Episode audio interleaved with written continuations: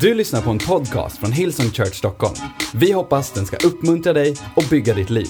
För att få mer information om Hillsong och allt som händer i kyrkan, gå in på www.hillsong.se. Varför vi gör det vi gör?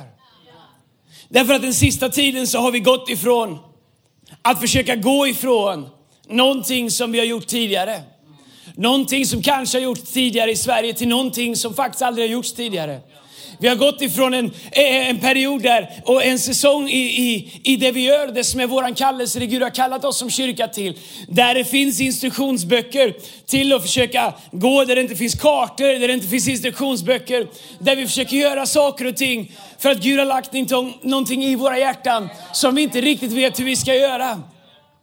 Och det inser när jag Uh, när jag tittar tillbaks på de sista åren så det som har byggt våran kyrka och det som vi alltid har haft som mål för det som vi gör, det som alltid har varit våran drivkraft. Det har varit att göra någonting som egentligen inte går. När det enklaste är ju att göra någonting som går.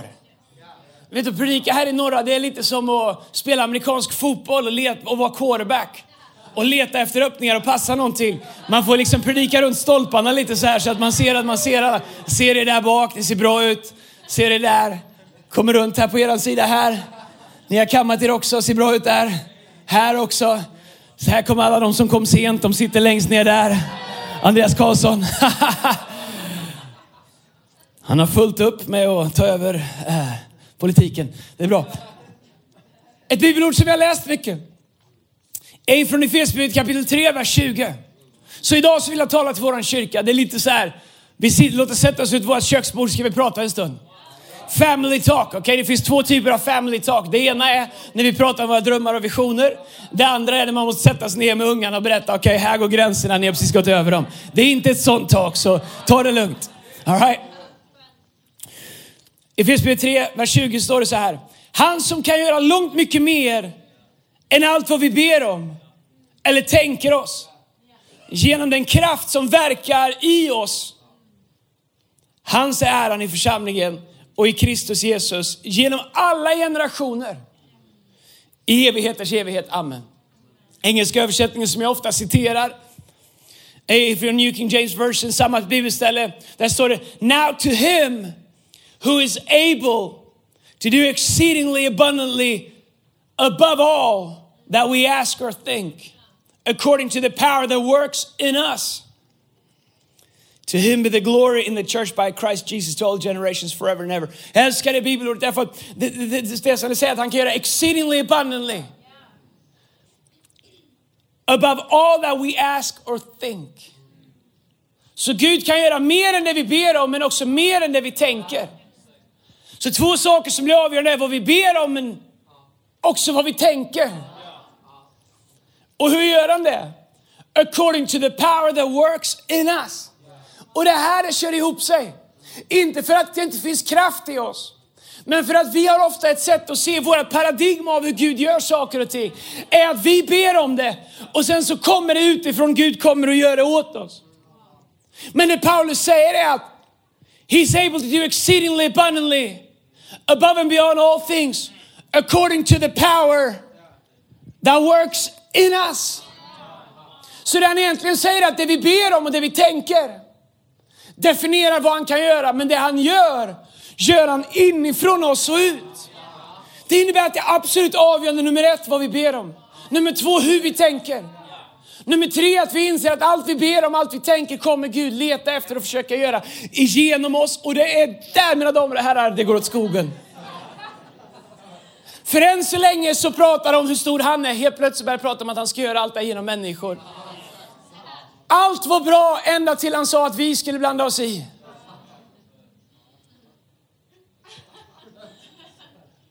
Jag tittar inte på någon för jag tänker inte på någon. Det är det här som är tensionen av evangelium.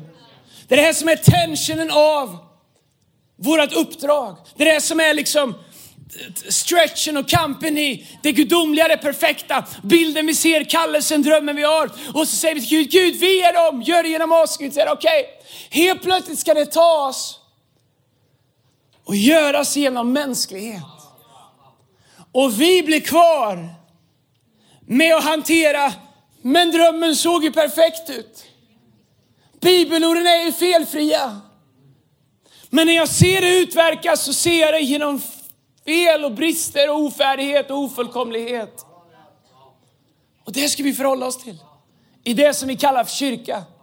Och det är genom det som Gud kallar oss att bygga en kyrka som förvandlar en nation. Så jag har funderat på det lite grann. Jag älskar att elda. På, nästan på ett sjukt sätt. Nej, men nästan på ett på gränsen till straffbart sätt. Alltså jag skulle, jag skulle lätt om mitt liv liksom går sönder hänfalla till att elda mer än vad man borde. Det är någonting med eld som bara, så fort man ser en eld så vill man lägga på mer saker. Här, här måndag, jag tycker om när jag är ledig. Uh, och ibland när jag behöver någon day off sådär, vi, vi, vi är en del av något eh, lag här uppe ovanför mot eh, Rimbo någonstans där, där vi har massa tusen hektar som vi förvaltar och, och hanterar och tar hand om. Och, uh, jag åkte upp dit en dag Uh, trött på alla möjliga saker, trött på mig själv, trött på Gud, trött på människor, lite trött, inte trött på dig men på de andra. Du vet, så jag bara kände, I'm out of here. All right? Jag åkte upp och jag gjorde en sån brasa. Alltså vad jag eldade. Men det, när säsongen är som den är så man måste få lite tryck i den först för det mesta är lite surt så det krävs lite värme för att det ska brinna bra. Och, och jag eldade. Grejen är att där vi är så finns det lite det kanske blir en podcast, jag får tänka på vad jag säger. Men det finns eh, lite lämningar från, eh, jag tror att det är andra världskriget, för norrmännen tränade. Vi tränade motståndsrörelser uppe, så det finns massa gamla hus och träningscenter där uppe där vi är och förvaltar. Så efterlämningar från att norrmännen var och tränade. Jag vet inte om det är officiellt eller inte, men så är det. Och jag hittade massa saker som brann. Jag hittade massa saker som gick att slänga på elden som brann. Och jag känner när man dras, jag, satt, jag, jag eldade i timmar. Det var inte så att jag skrev namn på saker som jag la på elden, utan det, det, jag bara eldade. Jag tyckte om eldar när vi växte upp. När vi växte upp så hade vi påskeldar varje år. Vi samlade man in alla granar. Vi var och, och, och, och samlade in granar för att de skulle eldas som någon slags påskbrasa. Och, och grejen var att eh, vi blev så smerade så vi började gå på, på kvällar och nätter och såga ner granar som folk hade planterat i sina trädgårdar. Fina silvergranar, kungsgranar, som de brann. Och allt som brann så kom vi på att man kunde sve, kallar vi det. Man bränner av hela gärden så hela gärden brinner. Och brandkåren kom och vi sprang. Eh, eh, jag känner en kompis, han, han började elda, en som jag umgicks med. Han fick sån feeling när han gjorde en brasa så att det slutade med att han hade eldat ner hela huset, staket, allt som var fint staket, allt. Det brann som aldrig förr. Det är någonting med jag älskar att elda. Det fanns ingen staket kvar. Det fick mig att tänka på staket. Det är så min hjärna funkar. Du kanske tror att det är Gud som talar, men så funkar min hjärna. Jag eldar och det ena leder till det andra. Helt plötsligt börjar jag tänka på staket. Jag tänkte tala om staket idag. Om det är okej. Okay. Därför att grejen är så här att våra liv, jag vet inte om jag sa svart eller blått. Jag tar blått. Leksand leder med 2-0 i matcher. Come on somebody. Leksands och Israels färg. Uh, vi ber för alla människor om du tänkte mejla förresten. Så, uh, det här kommer bli awesome.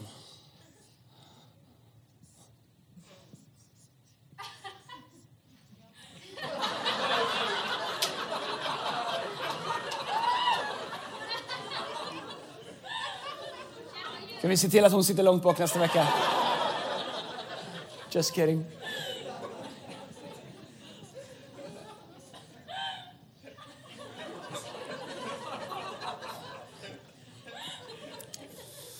All right.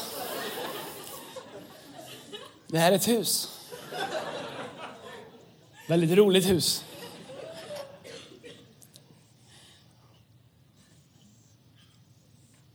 Det här är ett staket. Okej? Okay?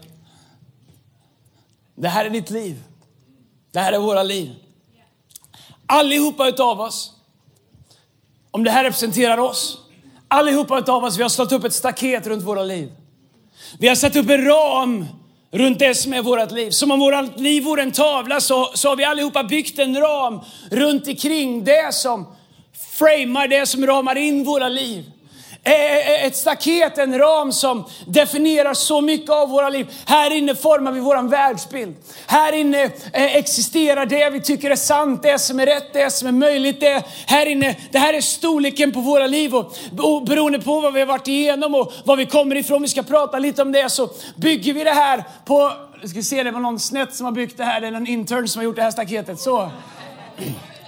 Beroende på var vi kommer ifrån så, så bygger vi våra ramar och våra staket runt våra liv i olika storlekar och, och vi låter det rama in vad vi tror är rimligt, vad som är möjligt, vad som är rätt och, och vad som borde vara. Någonting som inte får plats där inne hittar vi sätt att skydda oss emot och, och se till att det, det klart definieras att det hör inte hemma i våra liv. Vi gör det kring våra liv, vi gör det kring våra preferenser, vi gör det runt om kyrkan Faktum är att de flesta av oss som kallar Hillsong för sitt hem, vi bygger ett eget staket runt vår egen kyrka.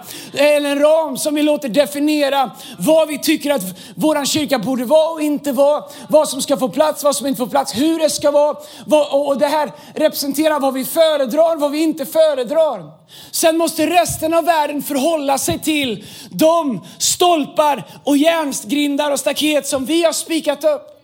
Och Gud nåde den stackare som kommer och föreslår att det finns någonting här utanför som inte har fått plats i ditt liv. Eller att det är möjligt att flytta ut sitt staket lite grann. Att bredda sin, sin bild av livet, av Gud, av olika saker. Men faktum är att jag inser att jag är i staketbränna-businessen. En av mina viktigaste jobb är att bränna staket. Jag inser att Gud har lagt det här i mitt liv för att det är en del av min kallelse. Mitt jobb är att elda staket. Mitt jobb är att utmana staket. Vårt jobb som kyrka, vårt liv som kyrka är att när, när människor tänker på kyrka så har alla en ram runt omkring det. Om du går till din jobbarkompis och säger jag är med i kyrkan. Det första de tänker på är ramen, vad som definierar. Då får du inte göra det.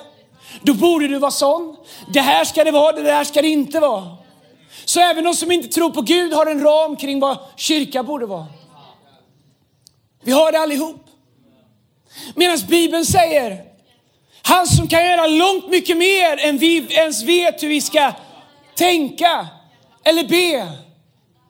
Faktum är att vi ber mest bara och tänker bara på det som vi, det som finns här. Väldigt få människor ber om någonting som finns här ute.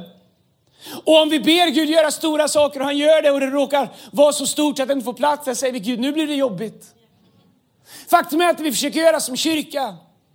När vi säger att vi vill bygga en kyrka som förvandlar nationer och flytta ut det här staketet så långt ut. Ska jag vara helt ärlig eftersom det är söndag förmiddag. Så är vi precis på gränsen som kyrka. Till att göra det som inte går. Vi är precis där på vår resa, vår korta resa som kyrka, 12 och ett halvt år. Där vägen tar slut. Där stigarna inte är upptrampade längre. Vi är precis där, där utan någon anledning saker och ting i historien i svensk kristenhet börjar och inte växa längre. Vi kan se det på de två, tre stora kyrkorna som har funnits att det är som att det går till en viss gränsen. Kan inte bli större. Varför är det så? Om kyrkor i Afrika, USA och Kina, både över jorden och under jorden, kan bli tiotusentals. Varför sker det aldrig i Skandinavien? Varför sker aldrig det här? Om det var möjligt för hundra år sedan när pingströrelsen startades. När Levi Petrus startade pingströrelsen, när det fanns noll pingstvänner, nu inte bara de kristna. Och 35 år senare så fanns det nästan 150 000. Att det på 35 år startades över 500 kyrkor. Vad hände med vårt staket? Vad hände? Vem tryckte ihop vårat, vårat staket och sa, nej, nej, nej, så här måste det vara. Så här har jag alltid gjort, så här måste man göra. Men vad ska hända när vi säger, men vi vill flytta ut staketet. Ja, men hur blir det då? Ja, vi är inte helt säkra. Vi vet bara att om fler människor ska få plats så måste vi börja bygga staket där vi aldrig har byggt staket innan om fler människor som Fahid ska kunna få uppleva att det fanns någonting som väntade på honom som han inte ens visste så han kunde inte ens söka efter det. Så måste vi våga börja flytta ut våra staket. För en del kommer säga så här har vi aldrig gjort innan. Det är de människorna som det är människor, en del säger, så här ska det inte vara. Jag känner inte igen mig längre. Och det är därför att vi har vant oss vid att staketet var på ett sätt, men vi säger, vi är här för att vinna hela världen. Så vad är det som gör att vi bygger en ram av det vi tror går. Och, och, och, hur stora visioner man får ha, hur stora böner man får be. För våra visioner definieras av våra, av våra staket. Våra böner kommer definieras. Och om du står bredvid någon som har byggt en större trädgård och hör den be. Och om du har en mycket mindre bild av vem Gud är, vad som är möjligt, så kommer du förmodligen provoceras av den. Och det är det som händer i oss. Vi börjar slåss för våra staket. Kristna kanske mer än någon annan. Vi fightas och vi slåss för där som vi har satt upp våra staket. Och vi säger så här ska det vara. Så här ska man göra. Det här är det som är normalt, det här är det som känns naturligt. Medan Paulus säger vad inget öga har sett, vad inget öra har hört. Vad människohjärtat inte kan förstå. Vad har format ditt staket? Varför har du byggt din ram där du har byggt din ram? Vad var det som gjorde att du landade i och slå upp det där i? Vad, vad som är rimligt och normalt och vad som är bra. Vad fick dig att hamna där? Varför drog du din gräns där du drog din gräns? Varför har vi inte bett större än så här? Vad, vad har satt gränserna i ditt liv för vad Gud skulle kunna göra i ditt liv? Därför att antingen så jobbar vi med att försvara och förstärka och förankra våra staket. Eller så jobbar vi aktivt och intentional med att utmana och stretcha våra gränser. Ni kommer göra något av det. Om vi inte aktivt jobbar för att stretcha vår världsbild, stretcha vår tro på Gud, stretcha vår vision, flytta ut våra staket så kommer vi aktivt jobba med att försvara, förankra och förstärka där vi har dratt vår gräns. Vår gräns för hur vårt, bra vårt äktenskap kan bli. Vår gräns för hur bra vår connect kan bli. Vår gräns för vad Gud skulle kunna göra med din dröm. Och, och, men vad är det? Var kommer alla de här sakerna ifrån? Jag skrev ner några saker som jag tror påverkar vårt staket. En av de sakerna som jag tror påverkar mest innan jag går ner, jag har tio punkter, de kommer gå väldigt fort, det är sju och en halv minut kvar på den här predikan, sen så får du gå hem och jobba på ditt staket eller göra vad du vill. Peder Levenhaut som är eh, med i vår kyrka har varit med forever. Han har haft massa roller. Och, och eh, jag såg Kristoffer här. Jag kommer ihåg när vi startade vår kyrka. Då gick Kristoffer och, och Peder runt i linnen och arbetshandskar. Och om någonting behövde bäras, byggas eller roddas så kan man lita på att det var de som gjorde det. Det var awesome. De var produktionsteamet eh, tillsammans med någon annan. Men jag hade en konversation med Peder. Vi, vi, har en slags pågående konversation. Han har studerat religionsvetenskap och religionspsykologi. Jag vet inte vad han har pluggat. Han har hållit på varit i skolan väldigt, väldigt länge. Antingen så kan han mycket eller så har han svårt att lära sig. Jag är osäker. Men tog nio år för mig. What's the deal? Så, uh, men vi har den här konversationen om hur människor skriver sin story. Han har studerat hur vi var och en skapar vår verklighet utifrån att vi eh, lever våra liv. Precis som en författare så skriver vi vårt liv som om det vore eh, ett manus, en story. Och saker som sker i våra liv hanterar vi genom att antingen skriva om dem så vi kan hantera dem. Det vad som hände, vad vi upplevde hände eller vad vi kommer ihåg hände är inte säkert att det var vad det var. Utan människan har en förmåga att författa om och skriva om det och, och, och alter hela den saken så att den blir hanterbar. Och, och, och vår uppväxt påverkar oss, vad vi tar våra intryck ifrån och fascinerande. Vi, vi har pratat om det i många, många år. Och samma sak med religion. Vem du säger att Gud är eh, definieras av hur du skriver din berättelse om Gud. Utifrån vad du läser. Den berättelsen kommer bli din verklighet som du kommer leva i, försvara. Och, och när Gud kommer och säger att han vill förnya vårt sinne så är det den story som vi skriver som Gud säger. Låt mig få skriva om din story lite grann.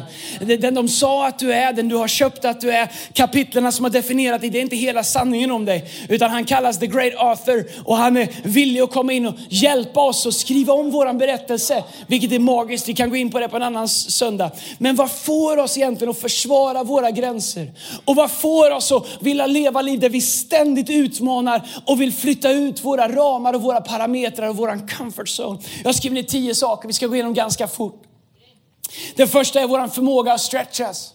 All tillväxt, allt som föds kommer med ett visst mått av smärta, ett visst mått av pain. Jag tror att det ligger i vår västerländska kultur att göra allt vi kan för att söka komfort.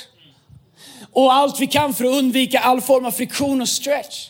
Det gör att när det kommer ner till vårt liv, när det kommer till våra kroppar, våra kroppar tränas genom att vi utsätter dem för smärta. Om du inte gillar det, om du hellre gillar fjärrkontrollen och tvn och chipspåsen, så är det fine, det är upp till dig. Men undvikandet av smärta kommer göra att din kropp inte tränas. Så är det också med livet.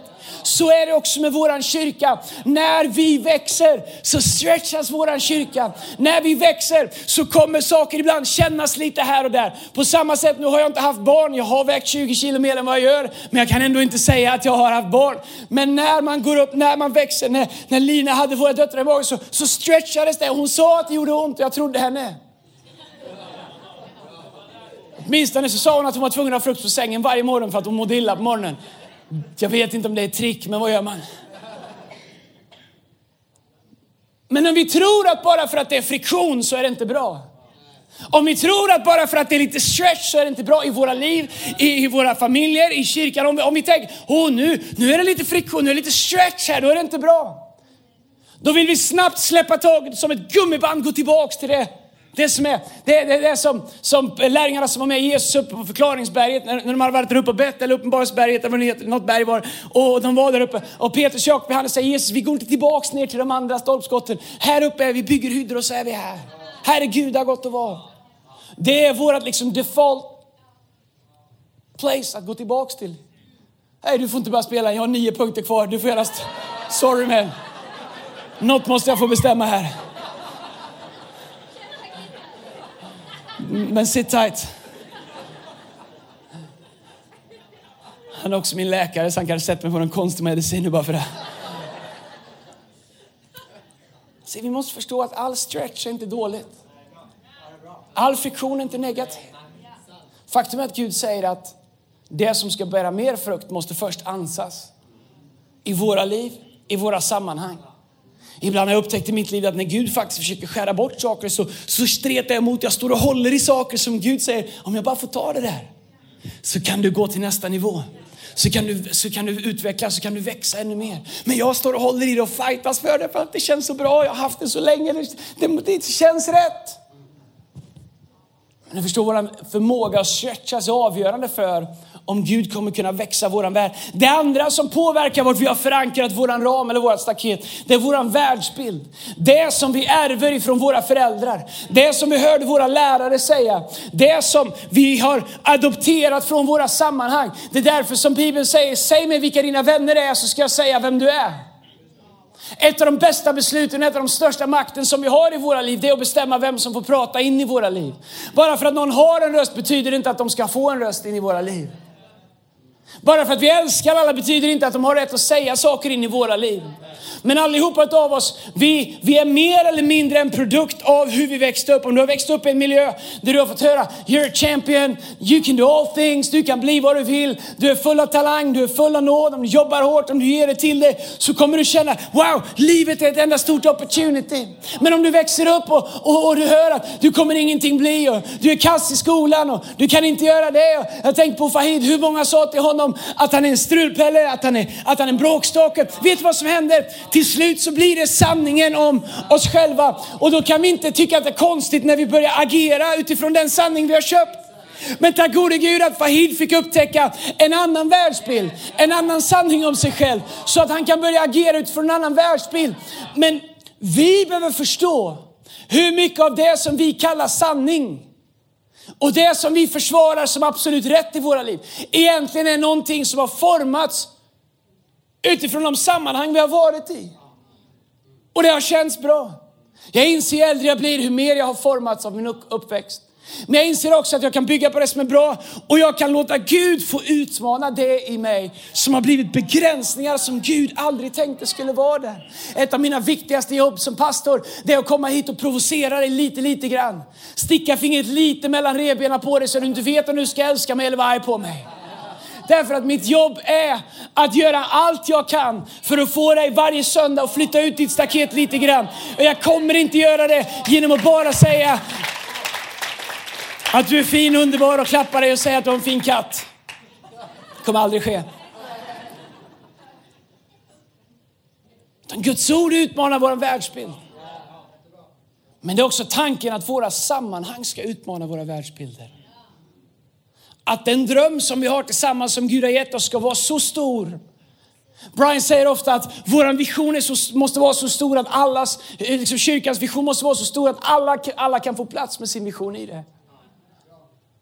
Det innebär att vi måste våga flytta ut våra gränser.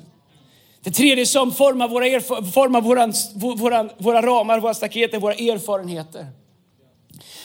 Erfarenheter är ju speciellt. Erfarenheter är ju högt värderat och det är bra med erfarenhet. Man kan ju lära sig mycket av erfarenhet.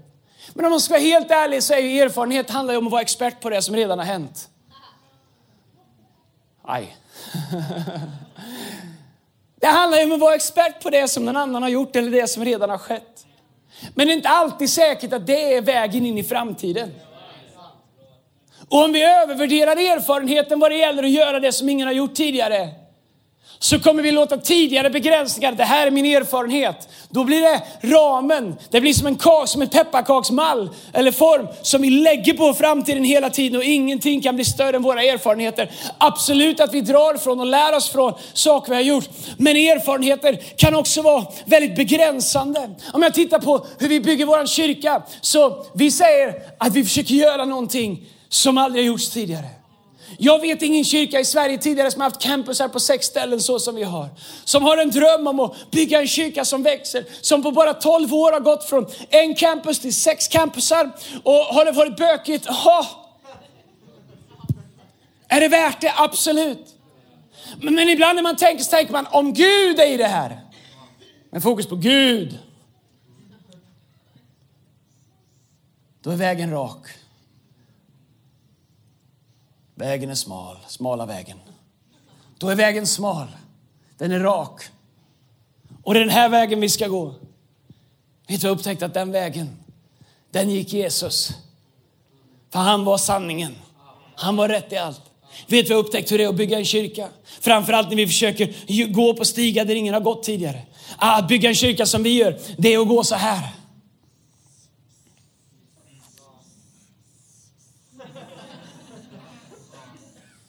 Och lite nu och då så hörs vi, aj, aj, aj, aj, aj.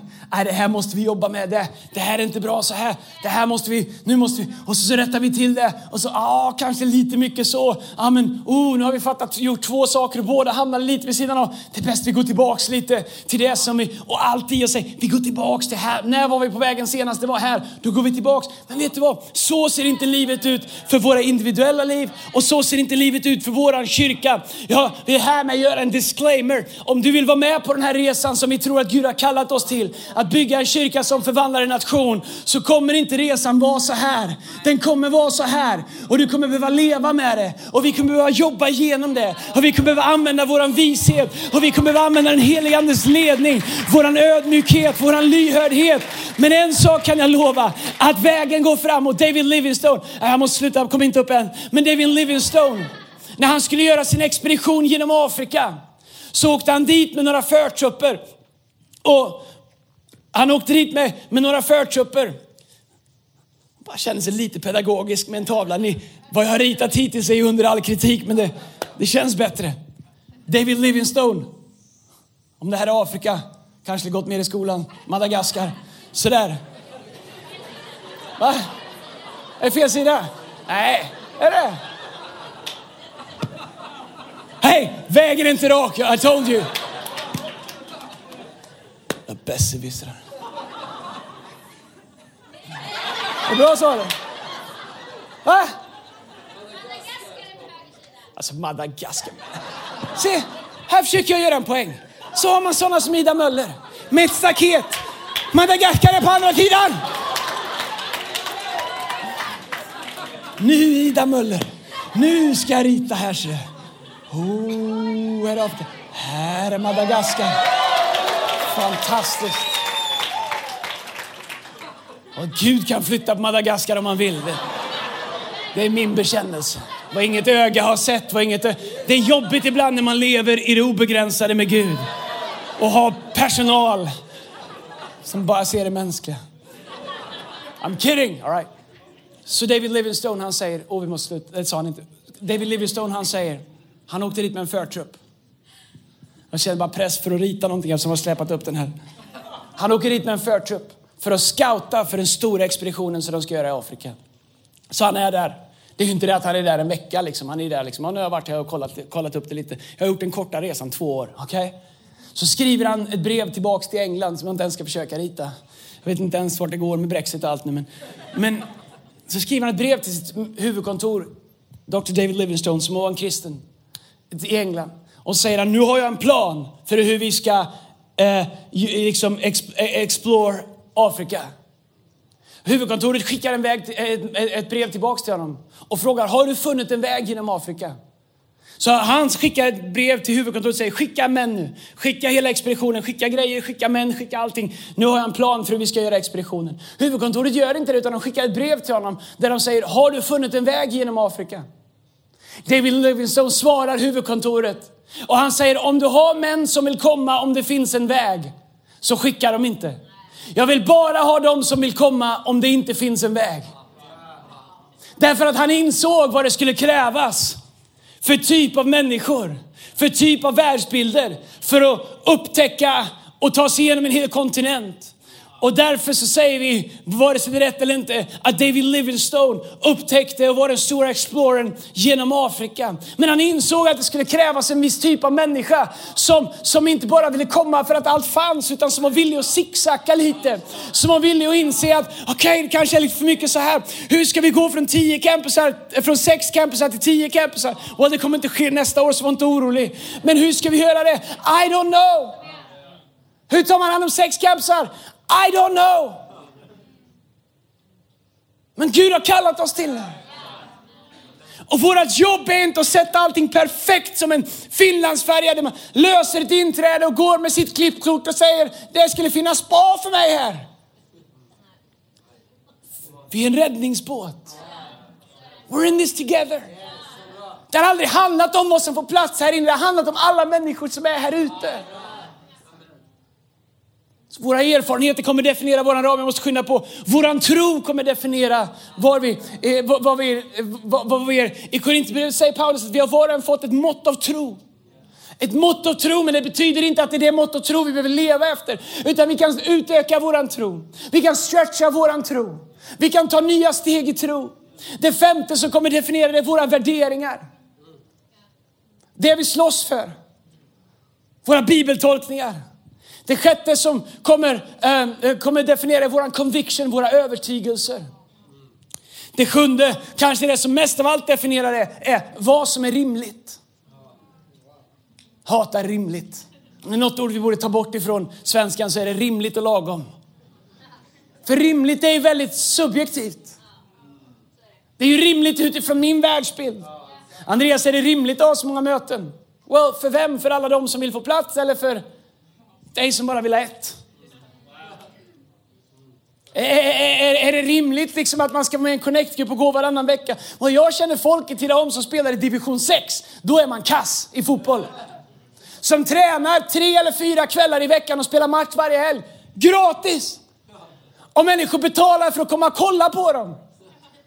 Och jag vet, prata med Johan Salinder i Göteborg, han spelar i Hoven i Tidaholm. Och division 6, det är så dåligt det går att vara. Inte han, men laget. Och äh, när de klagade på domaren så sa domaren till dem, när ni börjar spela bättre fotboll, då ska jag börja döma bättre. Rimligt tycker jag. Men, men, men grejen är så här att vi... Vi har våra grejer och vad som är rimliga. Är det rimligt att förlåta någon som har sårat mig? Eller är det inte, har jag inte rätt att bygga upp ett staket gentemot människor? Jag blev sårad i mitt förra sammanhang. Är det inte rimligt att jag försvarar mitt staket? Är det det? Vad som är rimligt kommer att avgöra. Där du sätter upp ditt staket, som du försvarar dina vallgravar. Den rike unge mannen kommer till Jesus och han säger, jag har hållit allt, de tio budorden har jag hållit, jag ber, jag ger, I'm good. Jesus säger, sälj allt du äger och följ mig. Tänk om jag hade sagt det. Jag hade fått en följetong i Aftonbladet i tre veckor. Hillsong pastor, jag menar de är arga på mig för att jag säger att tionde står i Bibeln. Hillsong pastor krävde att någon skulle sälja allt och följa Jesus. Det här var kaos. Men Jesus säger det till honom, sälj allt och följ mig. Varför gör han det? Därför att han vet att hans, den här mannens hjärta var i hans possessions. Han levde i dem. Det var hans girighet. Han höll i dem. Han hade sitt värde i dem. Hela hans liv kretsade kring hans ägodelar. Så Jesus sa, vill du bli fri, ge upp det som håller dig bunden. Det var inte fel på rikedomarna, det var inte fel på, ägodomarna, eh, på, på eh, rikedomarna och ägodelarna. Det var fel på att han hade allt sin identitet. Han levde för att försvara dem. Så Jesus sa, vill du verkligen bli fri så gör av med det som håller dig bunden. Men var det rimligt? I don't know. Är det rimligt att bli fri? Är det rimligt att leva bunden för att, för att vi inte vill göra saker som är okonventionella, för att det aldrig har gjorts tidigare? Var ska vi sätta upp vårt staket? Det åttonde, nu kan du komma upp och släppa lös den helige ande så vi kan landa här. Det åttonde som definierar vår, våra staket är kanske en av de viktiga sakerna. Det är evangeliets verklighet i våra liv. Ä här är grejen. Vi är fortfarande som en kyrka som tror att när vi dör så tar vi vägen någonstans.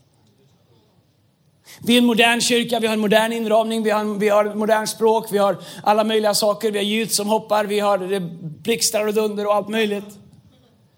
Men vi tror att när man dör, om man bekänner Jesus som sin Herre så kommer man till himlen. Och vi tror att när man dör, om man inte gör det så går man evigt förlorad.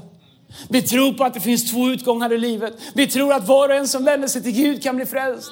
Kan få evigt liv, kan få sin synd förlåten. Spelar ingen roll var du kommer ifrån. I ett ögonblick, det hängde en rövare bredvid Jesus. Han sa till Jesus, Jesus tänk på mig när du kommer till ditt paradis. Tänk på mig när du kommer till himlen. Han inser att jag, han är inte på väg dit. Så han vänder sig till Jesus och säger, Jesus tänk på mig. Det är allt han gör. Jesus vänder sig till honom och säger, min vän, redan idag ska du vara med mig i paradiset. Rövaren bad bara om en tanke, men Gud gav honom en evighet. Så det är inte så att det finns en evighet som är svår att komma till, eller en evighet som inte är öppen för alla. Den är vidöppen för alla, men sanningen är fortfarande utan Jesus ingen himmel. Och om evangeliets verklighet inte är levande för oss, så kommer det påverka var vi sätter våra gränser. Om jag tror att hela världen behöver höra talas om Jesus, så kommer det påverka min vilja att flytta ut lite till, att göra rum för lite mer, att orka med lite till. Därför att det handlar inte om mitt staket, det handlar om dem som vi är sända till jorden, som vi lever på jorden för. Att säga att det finns en Gud, han älskar dig, han är på din sida. När du dör så kan du leva för evigt. Det är vårt uppdrag. Utan det är vi bara en countryclub, en golfklubb, en barnklubb. Det är evangeliets verklighet som gör all skillnad i våra liv. Därför så är min absoluta, mitt commitment så mycket jag kan. Det får kosta vad det kosta vill. Jag kan leva med att zigzacka. Jag kan leva med att det går lite för mycket till höger, att en slank kan dit och en slank kan dit. Så länge det handlar om att nå en till. Så länge det handlar om att göra rum för fler människor. Därför att det är det som är vårt uppdrag. Utan det kunde Jesus ta hem oss. Jesus sa, ni ska göra samma sak som jag gör. Gå ut i hela världen. Berätta om Jesus, döp dem. Gör dem till lärjungar. Det är evangelium. Det är allas kallelse, allas uppdrag.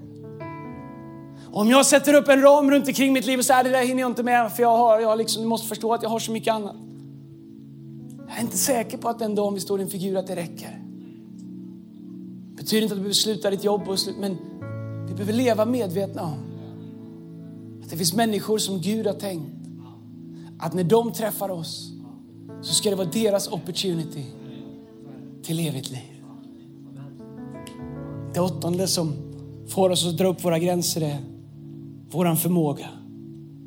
Hur vi ser ner på oss själva och tänker, det där, jag, jag kan aldrig, det, det, där kan Gud aldrig använda mig till. Ska jag vara ärlig så är det en av de sakerna jag brottas mest med. Kanske när ni hör man predikar och i mikrofonen, det låter som att vi har alla svar, det låter som att vi alltid vet. Om det är någonting jag kan tala om för dig, att de som är ledare i den här kyrkan, vi har passerat vår förmåga för länge, länge sedan. Jag får ibland frågan, jag var i Umeå förra helgen och träffade predikare i någon kampanj för massa kyrkor och satt ner med ledare och jag vet ungefär vilka frågor jag kommer få. Jag vet att en av de tre första frågorna som jag kommer få är, hur gör du för att inte bli högmodig?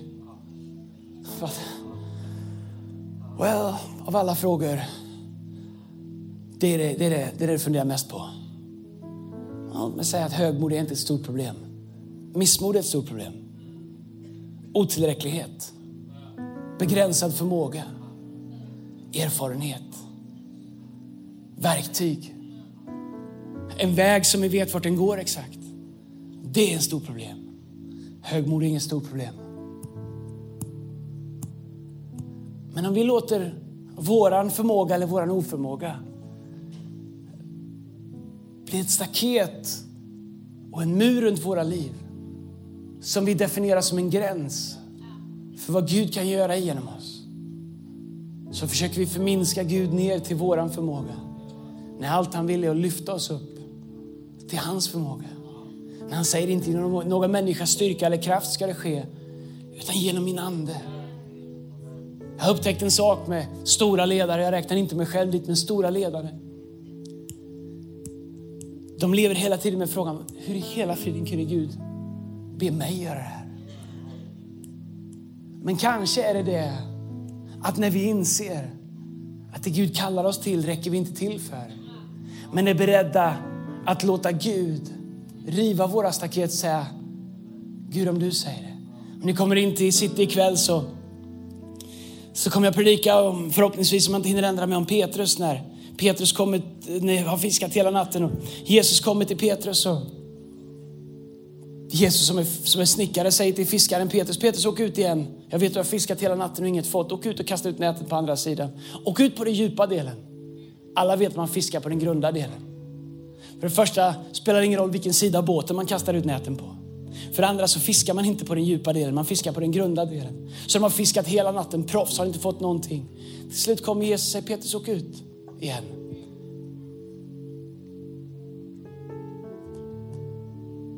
Kasta ut näten på andra sidan. Peter säger det är orimligt. Helt orimligt. Men han säger Jesus, eftersom du säger det, så gör jag det. Så får han så mycket fisk att han får be alla möjliga andra människor komma och hjälpa honom. Så det är det som är skillnaden med vad vi gör med det här. Han vill säga Jesus, jag, jag ser inte det här ske. Jag vet inte om jag har det i mig, jag vet inte om det går, men om du säger det, då är jag beredd att göra det. Det tionde och det sista det är den heliga Andes ledarskap i våra liv. Det finns någonting i våra liv när vi överlämnar ledarskapet i våra liv till den helige Ande. När vi överlämnar ledarskapet, när vi överlämnar vår väg framåt till den helige Ande. Där Paulus säger, nu lever inte längre jag utan Kristus lever i mig. Samtidigt säger han, det jag vill göra det gör jag inte och det jag gör det vill jag inte göra. Så han brottas med det men han säger, jag har lämnat det till den Helige Ande. När han en gång ska gå till Asien, han försöker ta sig dit och, men då säger han, den Helige Ande stoppade mig. Så han gick till Grekland, Thessaloniki istället och där så startade han den första kyrkan i Europa. Det var inte planerat. Han tänkte gå åt ett håll men den Helige Ande stoppade honom så han gick åt ett annat håll. Han hittade en spår, spåtant och en, en affärskvinna och en, eh, en, en fängelse fängelsevakt och de, med de tre så startade han den första kyrkan i Europa. Varför? Därför att han var ledd av den helige Ande. Han lät inte ramarna begränsa honom. När han sa, jag hade ju tänkt att gå till Asien, vi har ju planerat för Asien. Jag har ju läst på om Asien, jag har ju köpt kartor för Asien, jag har ju övat på att äta med pinnar. Jag skulle ju till Asien. Men när den helige Ande sa, nej inte här. Så var det oproblematiskt för honom. För hans beslut och hans commitment var inte till vägen. Utan det var till ledaren, den helige Ande. Och det är det som kommer fortsätta leda oss fram som kyrka, leda dig fram som individ. När du inser att jag följer dig vart du än går Gud. Jag vill följa dig vad du än gör. Och vi vill att du ska leda oss dit du går i Jesu namn. Amen. kom on, ska vi stå upp tillsammans på alla våra campus? Du har lyssnat till en podcast från Hillsong Church Stockholm. Om du vill veta mer om vår kyrka eller om våra söndagsmöten, surfa in på www.hillsong.se.